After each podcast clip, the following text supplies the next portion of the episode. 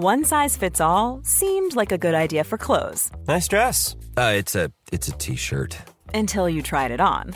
Same goes for your healthcare. That's why United Healthcare offers a variety of flexible, budget friendly coverage for medical, vision, dental, and more. So, whether you're between jobs, coming off a parent's plan, or even missed open enrollment, you can find the plan that fits you best. Find out more about United Healthcare coverage at uh1.com. That's uh1.com.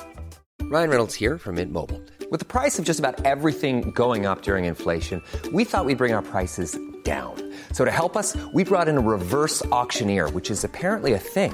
Mint Mobile unlimited premium wireless. Ready to get 30, 30, bit to get 30, bit to get 20, 20, 20, bit to get 20, 20, bit to get 15, 15, 15, 15 just 15 bucks a month. So, Give it a try at mintmobile.com slash switch. $45 upfront for three months plus taxes and fees. Promo rate for new customers for limited time. Unlimited more than 40 gigabytes per month. Slows. Full terms at mintmobile.com. Nou, daar zijn we dan. De Mediameiden, de eerste aflevering, Fanny. We gaan het vandaag hebben over Arjen Lubach. Ja, en we bespreken het chocotov-dieet van Anita Witsier. We gingen eten bij de brasserie van Nicolette van Dam. BN'ers bemoeiden zich met de oorlog in Oekraïne. Er was natuurlijk een chips van de week. En welke BN'er moesten we afbellen voor een bever? Je hoort het zo, bij de Mediameiden. Haverkappel, kaas, croissant. iPhone, socials, ochtendkrant. Make-up, sprinter, Hollywood. Ideetje, pitje, zit wel goed.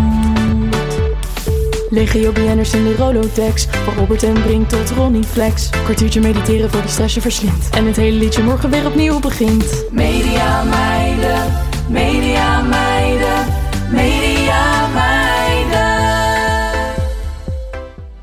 Nou, Fanny, daar zitten we dan. Na onze mooie lieder, gemaakt door Kees Groenteman. Ja, zeker. En het leuke is aan die lieder, vind ik... we hebben elkaar ook echt ontmoet in de, in de sprinter naar Hollywood. Klopt, ja. Weet ik nog heel goed. Ik denk Ja? dat het iets van drie jaar geleden of zo is. Of vier ja, jaar geleden. volgens mij wel. Ik was net moeder geworden. Oh ja. En ik was, we waren allebei in die sprinter naar Hilversum op weg naar het Mediapark. Klopt. Ik was met een eh, collega, vriendin, die jij ook kende. Mhm. En zij zei van, hé, hey, dat is funny. Zij is heel leuk. Jullie moeten elkaar leren kennen. Ja, ja. Toen En hebben we elkaar daar ontmoet. Wat voor werkte jij ook weer toen? Ik werkte toen bij de VPRO, Oh, bij de Vape. bij de VEP, zoals dat intern wordt genoemd. Mhm.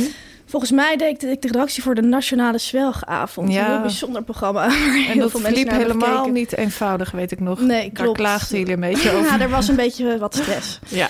Zoals, Zoals vaker in de gaat. biz. Ja, en ja. jij? Wat deed jij? Ja, ik zat toen in die tijd in de kindercasting. Ik was Oh, dus net moeder geworden. En eh, bij ik- mij vertaalde dus zich dat eh, in een enorme liefde voor kinderen op dat moment. En Leuk. ik wilde me ook graag professioneel met kinderen bezig gaan Ja, houden. leuk dat je dat hebt Toen gedaan. heb ik eh, een tijdje wat kinderen klaargestoomd om een nieuwe showbizster in Ze Hilversum zijn nu allemaal grote sterren geworden. Ja.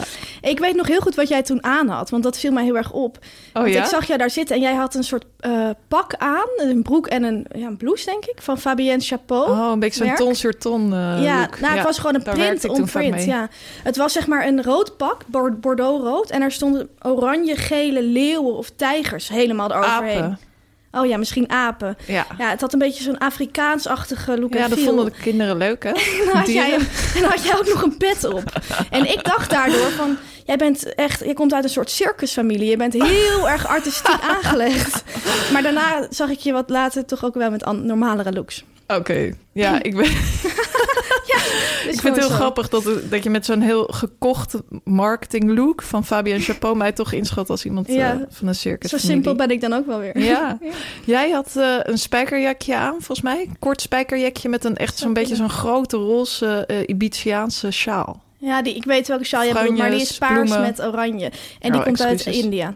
Maar hij lijkt een beetje alsof hij uit de pizza Lekker zou boho kunnen chic. komen. En een oud en vintage spijkerjak van mijn vader, ja. Dat heb ik wel eens aan in de lente.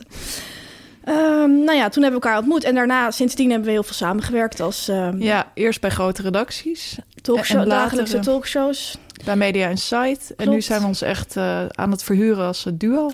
Nou, we hebben natuurlijk eh, vorige week onze eh, podcast ook aangekondigd op Instagram. De socials. op de socials en eh, nou ja, direct reacties. Dat heel was veel leuk. reacties. Maar ehm, ook minder leuke reacties natuurlijk. Ja. Mooie reacties waren er ja, van onze vrienden, ook van wat BN'ers. Ja. Connie Palme is ons gaan volgen op Instagram. Maar ook Snolle Bolleke. Daar Heel waren erg we erg blij mee. Zij hebben de gedeelde eerste plek bij ons volgers, wat mij betreft. Ja. Ik hoop dat ze gaan luisteren. Ik zou hoop leuk zijn, hè?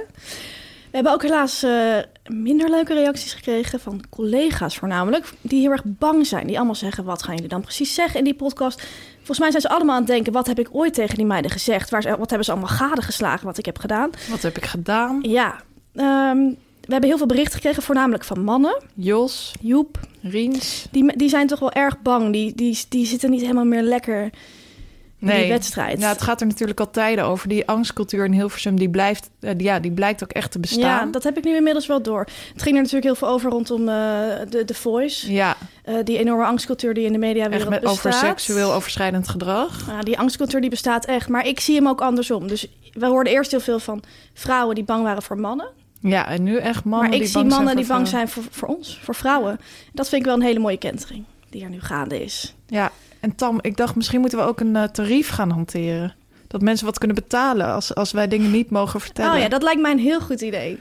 Als ze ons dan niet vertellen, dan moet Sport 50 euro betalen. En dan zeggen wij het niet in de 50 podcast. vind ik wel weinig hoor. 100 euro. Ja, precies. En dan Misschien flink- ze kunnen ook betalen als wij wel iets moeten vertellen. Dus stel Ja. je denkt van ik heb een heel leuk verhaal waar ik er goed in uitkom. Dat kost dan 250 euro.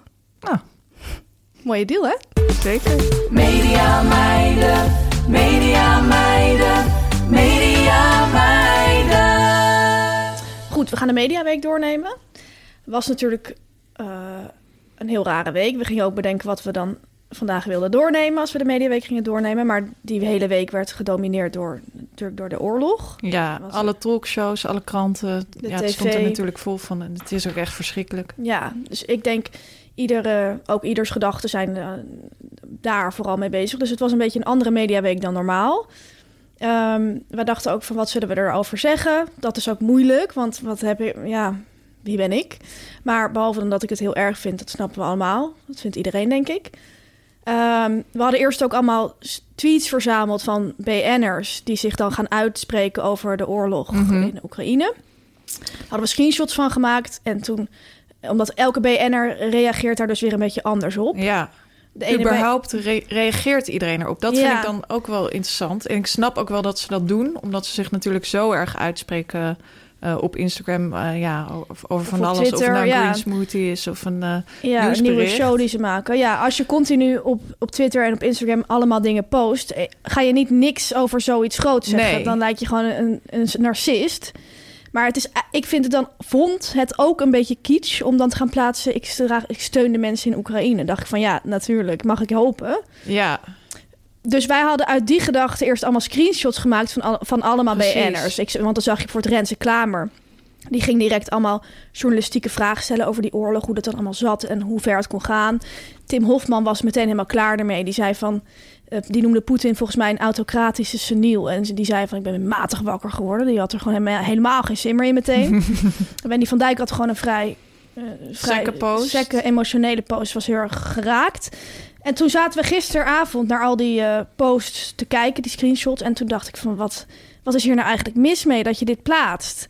Het is misschien een beetje cynisch om het allemaal onder elkaar te gaan zetten... en dan heel hard samen te gaan zitten lachen. Ja, het is ook wel gewoon een lastige kwestie. Want wat Als zou je eigenlijk moeten doen als BN'er? Ja, Wat zou nou een goe- goede post eigenlijk zijn? ja. Dus ja ik, ja, ik heb daarover nagedacht. En ik denk toch eh, dat je het redelijk sec moet houden. Dus bijvoorbeeld eh, Saskia Noord, eh, een van onze favoriete powervrouwen... die had een mooie post van... I stand with Ukraine. Met Mhm. mooie vlag erbij. Leuk Eh, in het Engels. Ook voor haar internationale volgers. Ze heeft ook een Ehm, huis op Ibiza natuurlijk. Ja, precies. Ehm, ja, Ja, dat, Dat denk ik eigenlijk verkeerd, ook. nee, ik. je moet er toch iets over zeggen. Ook omdat heel veel van die BN'ers natuurlijk ook nog eens werkzaam zijn in...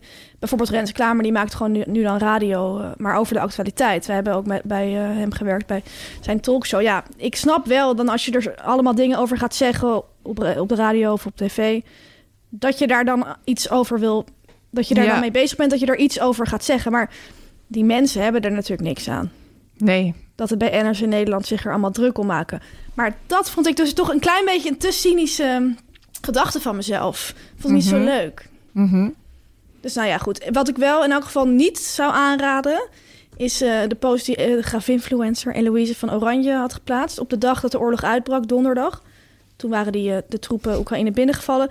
Plaatste zij... Dus ik zag echt... was echt die, mijn story feed zeg maar, op Instagram... was alleen maar Mhm. Oorlog, oorlog, oorlog. En opeens een selfie van Eloïse van Oranje. met een beetje een zo'n gezicht van oepsie. En er stond zo'n tekst bij. eh, even vergeten dat wij vandaag tussen 11 en 3 geen water hebben. Shit. Oei. Toen dacht ik wel echt van hoe wereldvreemd kan je zijn. En je Ja. hebt je achternaam ook niet mee, meis. Misschien moet ze toch een manager in de hand nemen die denk dit... het wel eh, snel een beetje. Ze heeft een manager. Ze heeft een manager. Ja, maar houdt hij dit tegen? Nee, duidelijk, dat was de, duidelijk niet zo.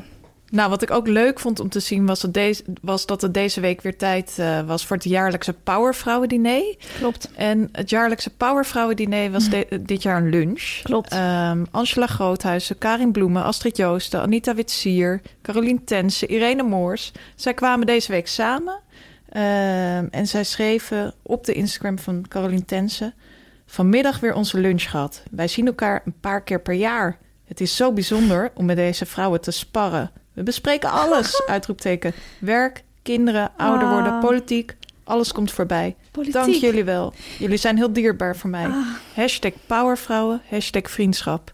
Ik Nou. vind dat zo leuk. Hele leuke foto erbij. In, in een Rijks, geloof ik. Het restaurant van het Rijksmuseum. Ja, een beetje formele setting zie ik hier. Wit linnen. Ja, maar Eh, ik denk dat ze, daar, ze gaan even uitpakken. Snap je? Als ze elkaar dan allemaal zien. Die agenda's zijn natuurlijk niet te combineren. Als Nee. ze elkaar allemaal zien, gaan ze echt wel... Gaan ze niet naar een eetcafé. Nee, nee, nee, nee, nee. ik had ook... Anita Wetsier had deze foto ook gepost. En die had daarbij gezet... eh, hashtag Angela Groothuizen. Hashtag Karin Bloemen. Hashtag... Als, Oh, ja. iedereen in Zo- de hashtag was vergeten te... Ze dacht, ze heeft niet getagd. Niet. Maar ik vind dat zo'n leuke groep vrouwen. Ja, jij wil daar ook bij, hè? Ja, ik wil daar echt bij. En ik vind het echt heel leuk dat ze echt vriendinnen zijn. Want het is dus echt zo. Want ik heb daar ook wel ze vertellen er wel eens over in interviews. Ze kennen elkaar allemaal heel lang. Ze zijn denk ik allemaal ongeveer even oud. En dan heel Mhm. lang werkzaam in de Ook allemaal media, blond, voor mijn gevoel. Ja, inderdaad. Ja, Oh nee, wie niet dan? Astrid Joosten. Astrid Joosten. De rest wel, maar... ehm, ja, ik vind dat gewoon heel, erg heel erg leuk. Allemaal, ik denk dat het gewoon ook heel gezellig is. Ja, ik ze denk het het over ook. alles hebben, Lekker vind ik wijntje, Ja, lekker glaasje wit erbij. En ehm, ik wil graag van deze gelegenheid gebruik maken om iedereen die luistert het Instagram-kanaal van Anita Witsier te tippen. Anita Witsier is een ontzettend leuke vrouw en haar Instagram is echt heel leuk, want ze maakt allemaal heel erg ehm, ja, low-key video's van zichzelf. Mhm. En ik ben heel erg fan van haar kookvideo's. Die maakt ze in haar keuken en dan heeft ze ook geen make-up op. En ze is gewoon heel lekker in een, soms in een trui of in een soort windjack. Dan heeft ze denk ik net de hond uitgelaten of het vuilnis gewoon even buiten gezet. En daarna Zo neemt ze even zo'n video op. Zegt ze van, het is heel slecht weer. Ik heb heel erg zin in soep. Ik heb nog wortels, ik heb nog wat uien, ik heb nog wat tomatenpuree. Ik ga het gewoon proberen. En dan gaat ze aan de gang en dan zie... Ja. uiteindelijk ziet het er heel lekker Anita uit. Heeft altijd heel veel restjes in huis, valt mij en op. dat maakt ze allemaal op. Ja, En eh, ze maakt ook wel tegen eens... voedsel, Ja, voedselverspilling. heel duurzaam. En ze maakt ook wel eens bijvoorbeeld heel erg lekkere nachos uit de oven. Had ze een keer gemaakt toen haar man jarig was. Want die vindt dat Oh. heel lekker. Echt heel lekker met een soort avocado salsa eroverheen. Die ging ook mee die oven in. Dus het was niet koud, maar warm geworden.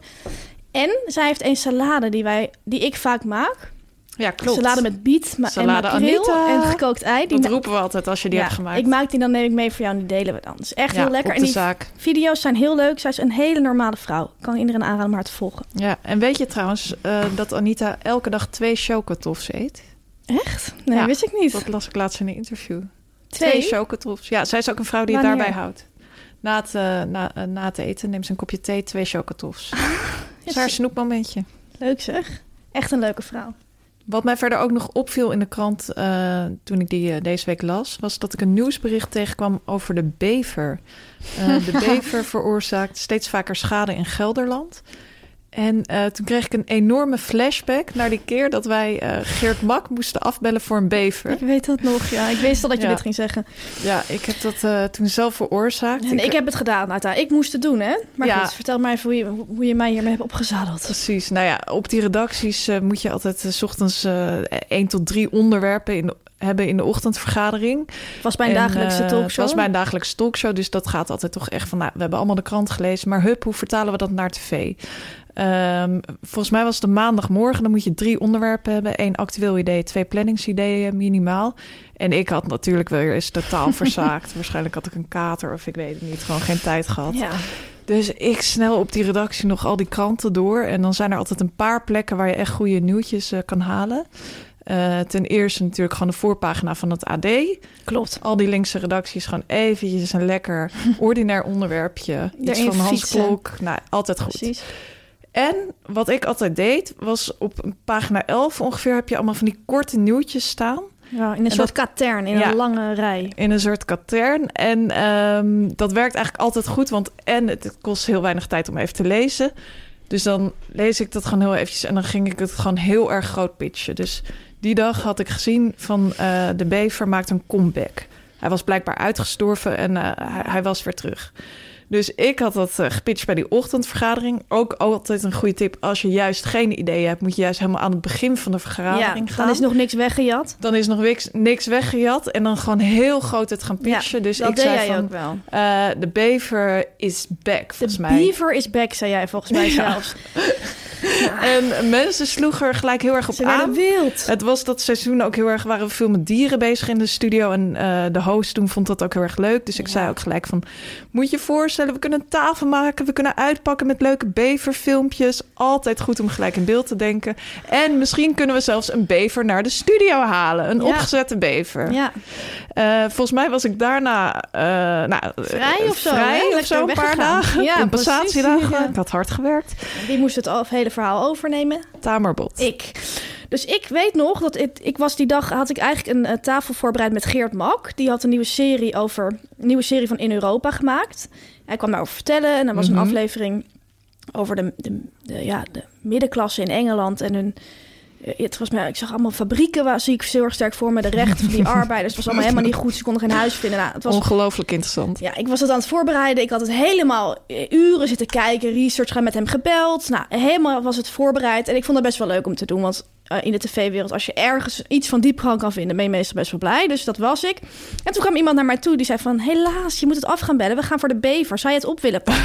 ik zo, eh, ja, oké. Nou ja, dat is wel een vraag. Maar er is geen, zijn geen antwoordmogelijkheden. Nee. Dus ik dat oppakken.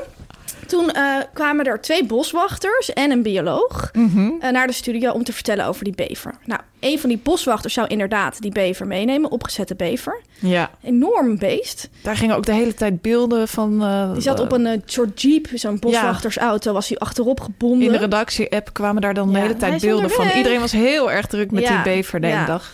En bevers zijn ook heel erg groot. Dus die opgezette bever was ook heel erg groot. Volgens mij is een bever anderhalve meter of zo als hij staat. Nee, Beetje mijn lengte. anderhalve meter. Ja, als hij rechtop zou staan. Hij staat natuurlijk vooruit. Maar bevers zijn enorm. Ja, dat, dat, di- ja, het is niet een soort cavia of zo. Het is echt een, een grotere hond. Hè? Ja, ik weet ook nog dat ik het... eh, ik moest de PR maken van de, de PR-tekst. Dus de aankondigingstekst voor dat item. En dan moet je altijd in de tweede zin al gaan verwijzen. Dus stel je maakt een item over Beyoncé. Dan zeg je, eh, Beyoncé heeft een nieuw album. De Amerikaanse zangeres. Oh ja, ja, ja. Toen had ik hierbij gedaan, de, de bever is terug. Het enorme knaagdier. had ik toen als verwijswoord gebruikt. Maar goed, ik was met die boswachters in gesprek en wat mij al snel duidelijk werd, is dat jij het wel erg groots had gepitcht. Want het leek dat de bevers zijn iets van 30 jaar geleden teruggeplaatst in Nederland. Dus ze zijn niet, ze waren al 30 jaar terug. Er werden ook niet per se meer, maar ze werden gewoon op vers- meer verschillende plekken gespot in Nederland. Dus ze verspreiden zich over het land. dat is toch op zich wel dat ze zich echt verspreiden. Dat is, Enerzijds, ze verspreiden zich wel, maar ze zijn niet terug. Ze waren al lang terug. ja, maar nu op meer plaatsen. Ja, oké, maar ik zat daar met boswachters. En boswachters, die zijn mensen provincies. heel erg op zoek naar... Die zijn heel erg precies. Die zijn op zoek naar nuance. Die, willen, die zijn heel erg bezig met dat ecologische proces. En als dan zo'n domme redactiemeid, zoals ik, gaat zeggen... nou, de is terug, zeggen ze van ho, ho, ho. back. Hij is niet terug. Vinden zij helemaal niet leuk. Zijn daar niet van gediend. Dus ik zat al de hele tijd met die boswachters. En dit zijn ook mensen... Ik, ik ben een beetje bang voor boswachters. Omdat ze dan zo'n groenige outfit aan hebben. Ze zijn best wel groot vaak. Onder hun nagel hebben ze wat van dat aarde nog zitten. Ik denk van, wat gaan ze doen? Ik vind het niet fijn. En ik, ik match niet met die mensen. Ja. Dus ik dacht van, ik voelde al aankomen, dit wordt helemaal niks. Ik was ook geïrriteerd zelf omdat ik Geert Mak had moeten afbellen. Die Ja. bever moest ik tillen, die tafel op. Ik, dat was heel zwaar. Maar het was allemaal niet prettig. En toen, nou, iedereen was aan het lachen. "Huh, De bever, ontzettend leuk, lekker een bevertafel. En ik was met die boswachters. En toen ehm, werd op een gegeven moment de promo opgenomen. Ja. Dus dan wordt er zeg maar gezegd, na de ster dit, dit en dit. En toen zei die presentator van dienst, en na de ster, de beaver is back. Zegt Ja. een van die boswachters zegt tegen mij, ho, ho, ho, de beaver is niet terug. Toen, toen werd ik gek. Toen rende ik zo naar die regie en toen heb ik echt de deur open gedaan. En toen ben ik naar die eindredacteur gegaan en heb ik gezegd van, de beaver is niet terug. Hij was al lang terug, hij is niet terug. En die boze boswachters achter me aan, ik vond het echt verschrikkelijk. Toen uiteindelijk is het wel aangepast naar de beaver verspreidt zich. En toen heeft het item plaatsgevonden. Ja. En ik heb hiervoor... Zo'n klein berichtje in de krant ja, en dan heel zo erg groot bedankt. op beeld. Heel erg bedankt. En, En- hiervoor heb ik dus Geert Mak afgebeld. Ja, wat zei die eigenlijk? Heb je het hem verteld? Nee, nou ja, ik moet er trouwens wel bij zeggen dat het wel best normaal is om bij een talkshow dingen af te bannen of dingen te verplaatsen. Ja. Dat gebeurt continu. Het hangt heel erg ak- vaak af van de samenstelling, de mix. Dus Volgens mij was dat nu ook aan dit de was orde. duidelijk het lichtere item. Ja, er moest gewoon een lichter item komen. Dus ik wil er even bij zeggen dat het niet eh, heel raar is. Maar ik moest hem natuurlijk wel op gaan bellen. En ik zag al die bever op die jeep zitten. En dan moest ik zeggen van Geert Mak, uw serie, helaas. We kunnen er toch geen aandacht aan besteden. Maar hij reageerde heel aardig. eh, want hij is een hele aardige man. Maar ik Ja. durfde niet te zeggen waarvoor ik hem had afgebeld. Nou, dat heeft hij die avond wel gezien, denk ik. Ja, eh, toen hij de ook. tv aanzette. Hij was afgebeld voor een bever. Chips van de week. Eh, ja, want bij het kijken van al die tv-programma's moeten we natuurlijk iets eten. En we eten dan altijd chips. Daarom de rubriek, de chips van de week. Met deze week Hamkaas. de hamkaas. Eh, de hamkaas zijn de chips van de week, maar eigenlijk wel de chips van mijn leven. Ik vind hamkaas zo lekker, daarom staan ze ook op ons tegeltje van onze podcast. En het, ik denk dat het genetisch is, want ik heb dat van mijn moeder. Die Oh ja? houdt ontzettend van hamkaas, ja. En wij gingen best wel vaak, vroeger vooral, maar nog steeds eigenlijk wel als ik naar haar toe ga, eten wij samen even zo'n zak hamkaas als we voor een leuk wel een programma kijken of Echt? Zoet Vrouw kijken. Ja, ze houdt er heel Uit de zak erg van. of in een bakje? in een bakje doet ze het altijd. Twee bakjes. Mhm. Allebei een eigen bakje. En dan doet ze eerst allebei in een eigen bakje. Maar die hamkaaszak er zit niet zo heel veel in. Dus dan zit er Mhm. daarna nog zo'n klein laagje in. En dan denkt ze van, nou, we maken hem even op. Lekker. En dan eet ze hem op. Ik vind het gewoon heel lekkere chips. En ik heb een keertje opgezocht. Ik ging een keer opzoeken hoe dat wordt gemaakt. Mhm. En toen zag ik dat Lees de hamkade stoere en brosse klassieker noemt. En dat vind ik heel erg grappig. En heel erg passend. ook. Ja, dat klopt inderdaad. Wat leuk dat ze dat echt zo Ja. beschrijven. Ja. Ik vind het ook echt een brosse klassieker. En ik Ja. hou ook zelf heel erg van brosse chips. Ook Ja, van jij nibbits. houdt er echt van, Het is echt... eh, ja, wat ik zelf wel bij de hamkaas heb... Ik vind het een beetje een chemisch smaakje ook hebben. Ik snap wat je bedoelt. Ik geniet er wel van. Ik weet dat jij er erg van geniet. En ik vind het ook heel erg lief dat je zegt van, eh, dat het eigenlijk de chips van jouw leven is. Ja, want weet je- zo. Wat er is, als ik aan jou Nou. denk... Nou, dan visualiseer ik jou altijd zo... met een zak hamkaas naast je. Altijd. Nou, als ik zo mijn ogen dicht doe, doe eens je ogen dicht. Ja. En als ik dan aan jou denk, Mhm. dan zie ik jouw hoofd, dat leuke hoofd met dat knotje. en dan zie ik die zak hamkaas ernaast. En ik ben dat dus gaan doen. Ja. Ik heb ook bijvoorbeeld Gijs Groenteman gevisualiseerd, die Ja. hier naast ons zit. Ja, ja, ja. En die, eh, als ik Gijs Groenteman zie, Ja. dan zie ik een koffie verkeerd ernaast. Oh, ik snap wel heel erg wat je bedoelt. Ja, dat is een hele sterke Ja, associatie. Ja, ja, ja. Ik en snap Gijs Groenteman is eigenlijk ook de enige presentator die ik ooit heb ontmoet... die wel eens eh, koffie gewoon voor zijn redactie maakt. Klopt, ja. Hij kan dat ook heel erg goed. Klopt, Hij is ja. de beste koffie verkeerd maken van Nederland. De meeste presentatoren zijn er niet van Nee, in al die jaren dat ik in de BIS meedraai... heeft er nog nooit een andere presentator koffie voor mij gemaakt. Moest ja, ik bij mij misschien wel eh, Tim den Beste. Oh ja. Maar verder En, niet. ehm, maar nu denk je misschien dat ik bij die visualisaties alleen aan eten denk. ja, Maar bijvoorbeeld als ik aan Gerard Joling denk, ja. zie ik een dolfijn. Oh, ik snap wel meteen wat je bedoelt. Ja. Ik heb dit dus met eh, Jochem van... Nee, eh, eh, ja, Jochem van Gelder, sorry. Dan zie ik boterhamworst voor me. Altijd al gehad. En bij, eh, ik heb het ook heel erg bij Jan van Halst, die kale voetbalpresentator. Dat heb ik ook met mijn broertje altijd over. Dan zie ik een hele frisse douchegel voor me. Nou, Echt met zo'n groenige etiket. heel geur. beetje badendas. eh. Ja, of hair, head and shoulders of zo. Nee, maar Tamer, nu heb ik een opdracht voor jou. Doe je ogen nog eens dicht. Oké. En denk aan, Sorry, ik ben een beetje eng. Ja? denk aan Arjen Lubach. Oh, ja. Wat zie je? Ah, niks, sorry. Ik zie een gilet. en daarom gaan we nu naar het grote onderwerp, de avondshow. De avondshow. Ehm, ja, de avondshow van Arjen Lubach. Dat is natuurlijk het programma waar we het deze week eh, over moeten hebben. Zeker. Het gonste al jaren in Hilversum. eh, er moest en zou een Amerikaanse programma Late komen. night, eh. Late night, zoals we het alleen daar kunnen. En eh, het gonste ook al jaren. eh, niemand anders zou dat kunnen doen dan natuurlijk Arjen Lubach. Klopt. En ehm, we hebben gekeken. Klopt. Het was een beetje de Arjen Lubach eh, die we al kenden. Klopt. In een nieuw jasje, of in Ja. dit geval een nieuwe gilet. Ja. Want de Gillette bleek eigenlijk zijn nieuwe, ja, Nieuwe look en feel te nieuwe look. Ja. Wel elke dag een andere Gillette, zag ik. Ja, of het wisselt in elk geval door. Maar met steeds die blauw-grijs tintige gilets. Ja. Ik denk niet dat hij er echt elke dag een andere aan gaat doen. Want het duurt nog heel lang, het programma. Maar dat hij bijvoorbeeld acht heeft. Ja, dat denk ik ook. Wisselt hij dan door. En ik denk ook dat er iemand in Hilversum is geweest die bedacht moet hebben van... nou, we zetten een groot nieuw eh, programma neer. Ja. We gaan een nieuwe look voor Ja. Arjen Lubach bedenken. Ik denk dat er echt iemand is opgezet. En dat gebeurt ook best wel vaak, eigenlijk bij altijd bij tv-programma's. Er wordt er echt nagedacht van met welke styling gaan we werken? Wat wil de presentator uitstralen? Ja, precies. Ehm, wij moesten daar ook altijd heel erg hard om lachen bij Media Insight, omdat Marcel en Gijs dan ook altijd zo'n doorpas moeten doen. En dan op kantoor allemaal outfits gaan Mhm. Ja, uitproberen. dat was sowieso altijd heel erg leuk om te zien. En Gijs gaat dan vaak voor zo'n lekker gezellige trui. En Marcel gaat dan wel voor jasje, voor Ja, iets voor een wat professionelere look. En ik, eh, Goeie jeans ik weet toch ook dat ik een keertje... Weet je dat nog, dat ik in die kleedkamer was van, eh, van Marcel en Gijs? Toen heb ik een foto gemaakt, omdat daar hingen allemaal setjes hangen daar dan Ja. klaar, die ze aan gaan doen. Want dat wordt dan bedacht van dit staat leuk met dit en dit staat leuk met dit. En dat kunnen ze natuurlijk niet allemaal onthouden, want ze, ze moeten aan de inhoud denken. Ja. Dus dan hangen daar kaartjes aan met, ehm, met de, de outfits, de combinaties. Heb ik een keer een foto gemaakt van een setje van Marcel. Ja, dan kijk ik best wel vaak naar die foto. Mhm. Ik heb hem ook als favoriet ingesteld. Marcel, bruin geruite blazer met lichtblauw overhemd en lichtblauwe jeans. en witte sneaker of suède laarsje. dat enkelvoud van die ja, schoen vind ik Een ontzettend suède grappig. laarsje. Ontzettend. Heerlijk. Maar Maar goed, er was meer dan een Gillette. Eh, Ja. We moeten natuurlijk even zeggen, het is een dagelijkse, dagelijkse show van de VPRO. Eh, te zien van maandag tot en met donderdag. Dus eigenlijk ook weer niet helemaal dagelijks. eigenlijk maar de helft van de week. Eh, Daarboven afgerond. Ja, een beetje een Z- ZML-achtige achtige show. Ja. En eh, nieuwer in is natuurlijk het interview met een BN'er. ja, dat deed hij eerst niet. Nee, en wat mij heel erg opviel aan de show was het publiek. Er wordt echt waanzinnig hard geapplaudiseerd voor Arjen Lubach. Keihard geklapt.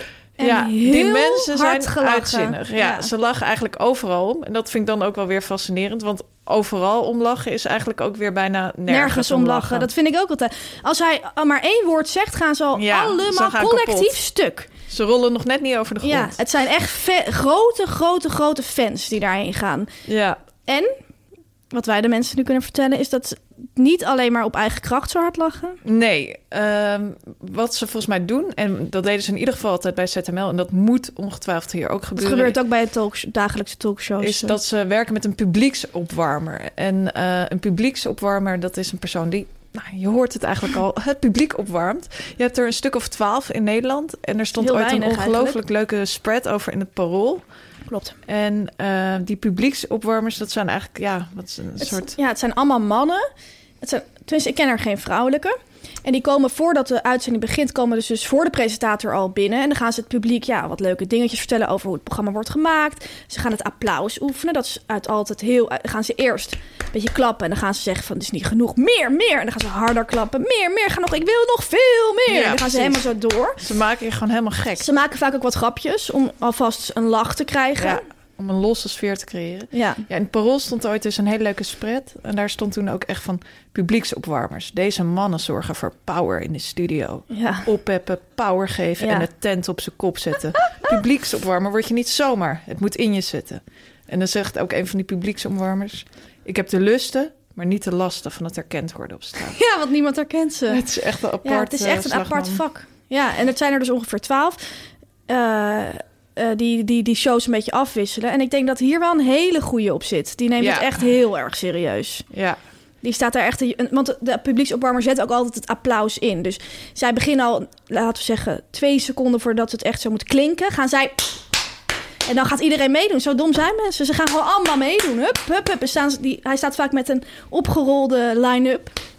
Tegen zijn Ja. hand aan. Een opgerold A4'tje, zeg maar, dubbel gevouwen. Tegen zijn hand aan te klappen. en ook deze keer ging het eh, ook weer heel erg op... eh, eh, of deze week ging het eigenlijk ook weer heel erg op Twitter over, over dat publiek. Dus en Ja. er werd ook gezegd van... Er, wordt er nou een lachband gebruikt? Kan die lachband weg? kan die lachband weg. En wat ik dan heel erg grappig vind, de eindredacteur van, van Arjen Lubach, die, dat Janine, Janine Abbring. Die gaat dan altijd van die, eh, van die twi- Twitterberichtjes sturen. En dan zegt ze van, eh, er wordt absoluut geen lachband gebruikt. Met Ja. vriendelijke groeten, de eindredacteur. Klopt. Ze vindt Heel dat niet eng. leuk. Er wordt dus ook geen lachband Maar dat gebruikt. met vriendelijke groeten klinkt niet echt vriendelijk. Nee, het is een beetje passief-agressief misschien. Maar ja, ik snap ook wel weer als je een programma maakt en mensen lachen er echt om. Wil je niet dat, je, dat het alsof het met een knopje wordt ingestart. Ja. En mensen lachen wel echt. Hoe dat tot stand komt, dat eh, hebben we net uitgelegd. Maar ze lachen toch wel echt. Mhm. Maar goed, ze lachen wel heel hard. Het publiek is uitzinnig. Ook als die. BN'er binnenkomt, die wordt geïnterviewd... dan is het gewoon echt alsof eh, Madonna eh, met Ja, Beyoncé... precies. en de Beatles allemaal nog levend een show gaat geven. Ja, ja, ja. Echt crazy. Ehm, wat mij ook wel opviel, is dat het dus niet live is, het programma. Ja, Eh, het is natuurlijk het is best wel een actueel programma. Het eerste deel doet Arjen Lubach dan staand, echt een, een stukje van de dag. Het tweede item is een wat diepgravender item, meer zoals we bij Zondag met Lubach zagen, bijvoorbeeld over ehm eh, cruiseschepen of over de Olympische Spelen. Iets wat niet super actueel is, maar eh, wel speelt in de actualiteit. precies. En dan daarna doet hij nog een interview met een BN'er. Maar dat eerste item is heel erg actueel. En daar heeft hij toch... Ze nemen wel echt een paar uur eerder op. Ja, om half acht nemen ze volgens mij op. En er was een avond deze week dat dat ook behoorlijk misging. Ja, Toen hadden ze een heel item over die eh, gijzeling in de Apple Store. ja, En toen om tien uur werd gepusht dat die eh, gijzelnemer dood was. ja. En eh, ging hij nog allerlei grappen Daarover over hem maken. maken. Dat toen Terwijl het echt net was gebeurd. Ja, En en, dat- die grappen als iemand dood is, ja. Is het toch net niet... Met humor is dat natuurlijk wel heel moeilijk. Van wanneer kan je nog ergens een grap over maken? Dat aanvoelen is zo ingewikkeld. Ja, Het was ook al een beetje met die oorlog in Oekraïne... vond ik het zelf soms, die eerste avond... dat er daar ook een item over... eh, het interbellum bulletin. mhm. Maar toen hij dat op had genomen, zeg maar toen het uit werd gezonden eenmaal, was die oorlog alweer iets verder geëscaleerd. Dus en met humor is dat zo moeilijk. Van wanneer Ja. kan je er nog om lachen heel eigenlijk? lastig evenwicht. Dat is al moeilijk om in te schatten als je live bent. Laat staan als er nog een paar uur Ja. verschil binnen is. Maar hij had ook een pittige nieuwsweek, moet ik eerlijk zeggen. Ja, dat is ook Ehm, zo. En ik moet wel zeggen, doordat, doordat het niet live is, is het wel een ontzettend strakke show. En Ja, daardoor lijkt het wel klopt, echt op die. Amerikaanse shows. En het ziet er heel mooi uit. En eh, eh, Ja. het is heel strak de inderdaad. reacties waren ook goed. Ja, ja. En wat mij ook nog... eh, wat je echt zag bij die BN'er-interviews... is dat die, die interviews zijn best wel eh, ja, gescript, zou ik bijna willen zeggen. Ja, Eh, er wordt heel erg gevist naar de leuke, onverwachte anekdotes die je nog niet eerder hebt gehoord. Ehm, dus Brigitte Kaandorp was er bijvoorbeeld en die ging dan vertellen over een verhaal dat ze een keer een kikker in een theater in haar tas was gesprongen. En die had ze mee ja naar daar zat hij ook wel heel erg overduidelijk eh, Ja. naar te vissen. En, en Ronald Goedemond ging dan een, eh, die kon op een hele speciale manier een bossenbol eten. Dat moest hij dan voor gaan doen. Dus ik Ja, denk dat de die vorige slagroom spoot door de studio. Het Ja. was hartstikke gek. Ja, lekker gek doen, lekker op de foto. Dus ik denk dat die voorgesprekken ook echt... Het lijkt mij best naar. Dan moet je die mensen opbellen en dan moet je echt gaan zeggen van... zou je iets willen vertellen Ja. dat je nog nooit eerder hebt verteld? Of zou je iets willen vertellen dat nog niemand van jou weet? Dus ik denk ook dat je dan weer terug moet gaan bellen. Dat je dan weer ga- Ja. verslag gaat doen en zegt van... nee, dit hebben we al gelezen. Ja. Dit stond een keer in ja. 1993 in de Telegraaf. Ja, ja ze willen Hup, echt niet dat standaard talkshow-gesprek. Ja, Ja, ja. En ehm, eh, wat ook nog zo is... is dat hij, Arjen Lubach deze week een voedselvergiftiging heeft gehad. ja. Heb je dat gezien? Dat was, heb je dat gezien? Ik- dat hij dat vertelde? ja, ik hoorde hem over vertellen aan Ronald Goedemond. Ronald Goedemond kwam dus binnen. eh, die, die ging hij interviewen. Dat was op donderdag. Dat was dus de dag dat die troepen Oekraïne eh, hadden binnengevallen. Dus hij het begon een beetje van, nou, gekke dag. Arjen Lubach had ook zijn... eh, ik noem hem gewoon Arjen. Arjen had ook zijn, zijn onderwerpen er een beetje op aangepast. Omdat hij dacht van, nou, het is nu al heel grimmig geworden. Dus het ging daar een beetje over van een gekke dag. En toen zei Ronald Goedemond, hoe is het dan voor jou? Eh, de eerste week van je nieuw programma. En dan deze crazy shit, zei hij. en toen zei Arjen van, ja... Ja, het was een leuk. Ja, ja, nou ja, ik wil ook niet te veel over mij vertellen, maar ja, het was een leuke, het was een, een bijzondere week. En ik heb, ja, ja, zal ik dat dan ook vertellen? Ja, nou ja, ik ga het gewoon zeggen. Ik heb, ik heb ook nog dinsdag een hele heftige voedselvergiftiging gehad. Ja, dat is wel Ja. des Arjen Lubachs. hè? Ja, dat deed vond- hij ook al een keer in een interview met Eus. Ja, zal ik het vertellen? Zal ik het vertellen? En dan toch gewoon doen. Ja, precies. En ik ga niet te veel over mij vertellen en dan Maar toch gewoon toch. doen. Ja, Ja. precies. Vond ik Maar- wel geestig. Maar wat denk jij dat Arjen Lubach dan eigenlijk zou hebben eh, gegeten? Dat hij een voedselvergiftiging had? Ja, Misschien ik dacht, ja, zalm of zo? Ik dacht iets Scandinavisch-achtig visproduct eerst. Omdat hij ook die Noorse look, of Ja. Zweedse look, hij spreekt volgens mij ook Zweeds, Ja. heeft. Dus ik dacht ook van een, misschien bij lunch snel een broodje gerookte zalm. Ja. En dat kan echt vaak fout gaat gaan. vaak fout mee. Maar ik denk, daarna dacht ik van, ik denk dat hij wel vegetariër is. Want dat hij wel aan de goede kant van de streep staat. Ja, zo is hij. Maar goed, hij moest echt kotsen, eh, grapje maken. Kotsen, grapje maken. Kotsen, grapje maken. Wel echt naar, Het is moeilijk om Arjen Lubach te zijn. zeker. Het etablissement van een BN'er. Ja, BN'ers. Ze hebben tv-programma's, radioshows, eh, concerten, autobiografieën, biografieën. ze hebben een eigen kledinglijn.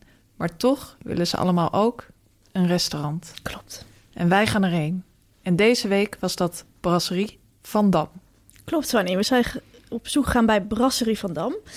Het restaurant van Nicolette van Dam en Bas van Dam. Veel mensen denken dat Nicolette van Dam dit restaurant heeft met haar vriend Bas Smit. Ik dacht dat eerlijk gezegd ook. En ik heb jou verteld, nee, nee, nee. Haar broer heet Sebastian, Ho, maar die noemen ze Bas. Ja, Samen zijn zij broer en zus en zij hebben een brasserie geopend. Ze komen ook uit een eh, horeca, een middenstandsfamilie, want hun ouders hadden een slagerij.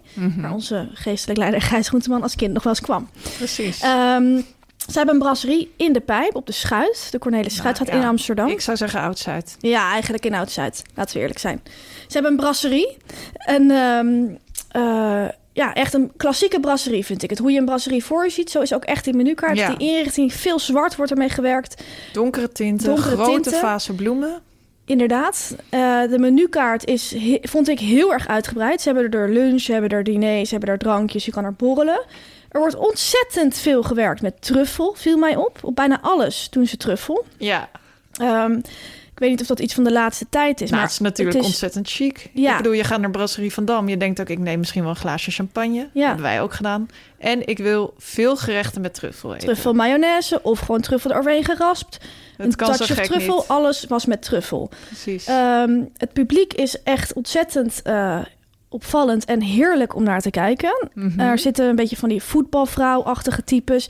derde, rang, derde rangs voetballers, ja, volgens mij ook. ja, vriendinnen die met heel veel boomerangs van elkaar maken voor op Instagram. Ook wel dagjes mensen. Denk ik ook inderdaad met een soort van windjacks aan. Die waren dan echt hadden opgezocht van we gaan daar naartoe. Veel mensen met kinderwagens. Ja. Grote kinderwagens. Ook wel gezinnen. Ja, eh, dates, vriendinnen, echt van alles en nog wat. Heel erg leuk om naar te kijken. Wij waren daar zelf met twee vrienden uit de mediawereld. ja eh, wij hadden eigenlijk een beetje ons eigen powervrouwen-diner. de klopt. soft launch van maar het was ook een lunch. Ja, Ja. klopt. Ehm, het was een lunch en wij hebben dan ook meerdere lunchgerechten besteld. Wat leuk was aan de kaart, vond ik, was dat eh, je had eh, een aantal favoriete gerechten van Nicolette. En je had ook een aantal favoriete gerechten van Bas. Klopt. Nicolette's Favorite heette dit dan bijvoorbeeld. En Nicolette bleek enorm gek te zijn op de wat lichtere lunchgerechten. Ja. Dus denk aan een mooie carpaccio of een zalmtartaar. En Bas daarentegen, die hield echt een beetje van dat stevige werk... zoals een lekker broodje pulled chicken. Ja. Eh, wij eh, hadden ja, besloten om in ieder geval... een van Nicolette's eh, lievelingsgerechten uit te proberen. Precies. Het was een zalmtartaar eh, met wat avocado en ook een eh, soort stoute kaaskrekker erin. Ja. En het viel me echt op. Ken jij die bakjes zalm die je bij de Albert Heijn kan kopen? Van die Ehm. blokjes zalm? Ja, ja, ja. Leek echt alsof ze gewoon een bakje zalm zo Ja. plaf op dat Ja. bord had gesmeten. En er een beetje avocado Klopt. overheen had gegooid. En wat sesamzaadjes. Dat was geen eh zalmtartaar die stevig in elkaar stak. Nee, en het was ook niet met een kokering zeg maar even neergezet op het bord. Het lag er een beetje Ja, het op, lag van er een beetje.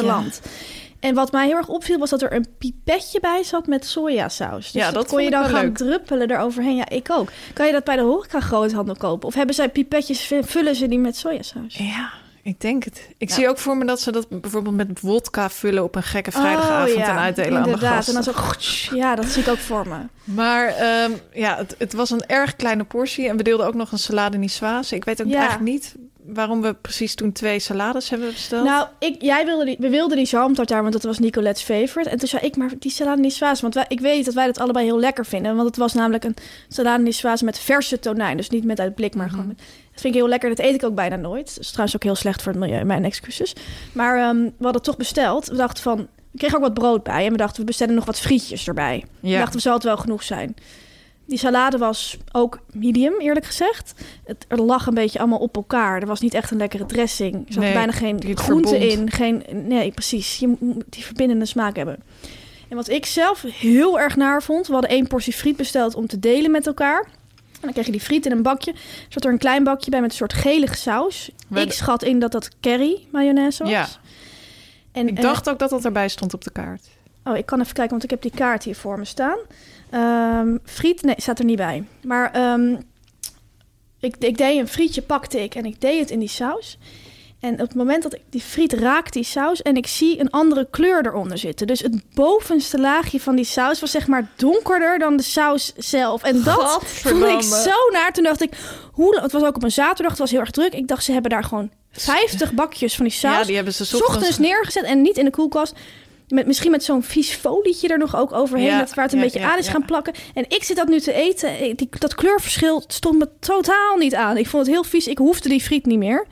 Maar dat was eigenlijk wel jammer, want we hadden verder niet genoeg. Nee, precies. Daarbij hadden we ook nog een heleboel drank besteld. Dus eh, dat liep niet goed af die middag. Niet goed af, nee. klopt. Leukste moment eh, vond ik toen Nicolette zelf op een gegeven moment binnenkwam. Ja, aan het eind van de en dat middag. hadden we helemaal niet meer verwacht. Nee. En ineens kwam ze daar binnen met die Billy Brenda of zo, die, die dochter van haar. Haar kinderen heten Lo- Lola, Oh ja, Lily ik en Kiki steeds. Kate. Ja, Ik zat wel dichtbij. Ja. Misschien leuk voor de derde. ja, als die nog komt. Of voor een kat of zo. Maar ineens kwam ze binnen en ze zei ook zoiets van... ja, ik moest even naar de gal gal. ja, toen dacht ik ook en wel, toen ga dacht jij ik ook van, hè? We hebben net hele dure champagne besteld. Komt die nou gewoon van de gal en gal? Ja, vond ik ook raar. En, maar het was wel heel leuk dat ze binnenkwam. Misschien ook echt even wat dingetjes eh, Ja. uitdelen. En die, die Kiki Kate of Lola Lily gingen lekker bij het personeel even wat drinken. Ja, precies. Ik hoorde ook op een gegeven moment een ober zeggen van... eh, die liep naar een ander tafeltje en die zei van... eh, deze is van Nicolette. Ah, ja. Dat kregen wij helaas Zo niet. Maar is dat leek me wel... Zo is zij echt. Die vrouw is ze. Gewoon meteen lachen, praatje maken, die, die, die dingen regelen. Ja, en buiten op het terras zat dus Monica Geuze met haar vriendinnen enorm te wijnen. Die heb jij gespot. Ja, ik ik het bijna niet. Ja, het was gewoon echt precies zoals je het je, je voorstelt. Ja. Zij met een hele hoop vriendinnen en lekker tak, tak, tak. tak tak shooten daar op het Ja. terras voor Instagram, ja. Ehm, het, het nare was dat we uiteindelijk inderdaad iets te veel hadden gedronken... waardoor we de volgende dag een vijf sterren kater hadden. Ja, het was echt niet goed te doen. Ik heb daar echt dagen last eh, van gehad. Ik ook. Natuurlijk wat ouder, dus dat, eh, Gaat ja, dat gaat dan duren. Maar verder was het wel een hele leuke middag. Het is een, heel erg vermakelijk om daar te gaan zitten. Ja, ik kan en het om lekker om je heen te... precies. Dus ik zou zeggen, de, de entourage viel mee. De rekening en de kater vielen helaas tegen. Meis, dat was hem dan weer. De eerste aflevering. Ja, fijne mediaweek. Ja, jij ook. Volgende week zijn we er weer. Zelfde tijd, zelfde zender. Media meiden, media meiden, media meiden. Dit was een podcast van Meer van Dit. Wil je adverteren in deze podcast of in een van onze andere podcasts? Stuur dan een mailtje naar info@meervandit.nl. Planning for your next trip? Elevate your travel style with Quince. Quince has all the jet setting essentials you'll want for your next getaway, like European linen, premium luggage options, buttery soft Italian leather bags, and so much more. And is all priced at 50 to 80% less than similar brands. Plus, Quince only works with factories that use safe and ethical manufacturing practices. Pack your bags with high-quality essentials you'll be wearing for vacations to come with Quince. Go to quince.com slash pack for free shipping and 365-day returns. Imagine the softest sheets you've ever felt. Now imagine them getting even softer over time. That's what you'll feel with Bowl and Branch's organic cotton sheets. In a recent customer survey, 96% replied that Bowl and Branch sheets get softer with every wash. Start getting your best night's sleep in these sheets that get softer and softer for years to come. Try their sheets with a 30-night guarantee. Plus, get 15% off your first order at bowlandbranch.com. Code BUTTERY. Exclusions apply. See site for details.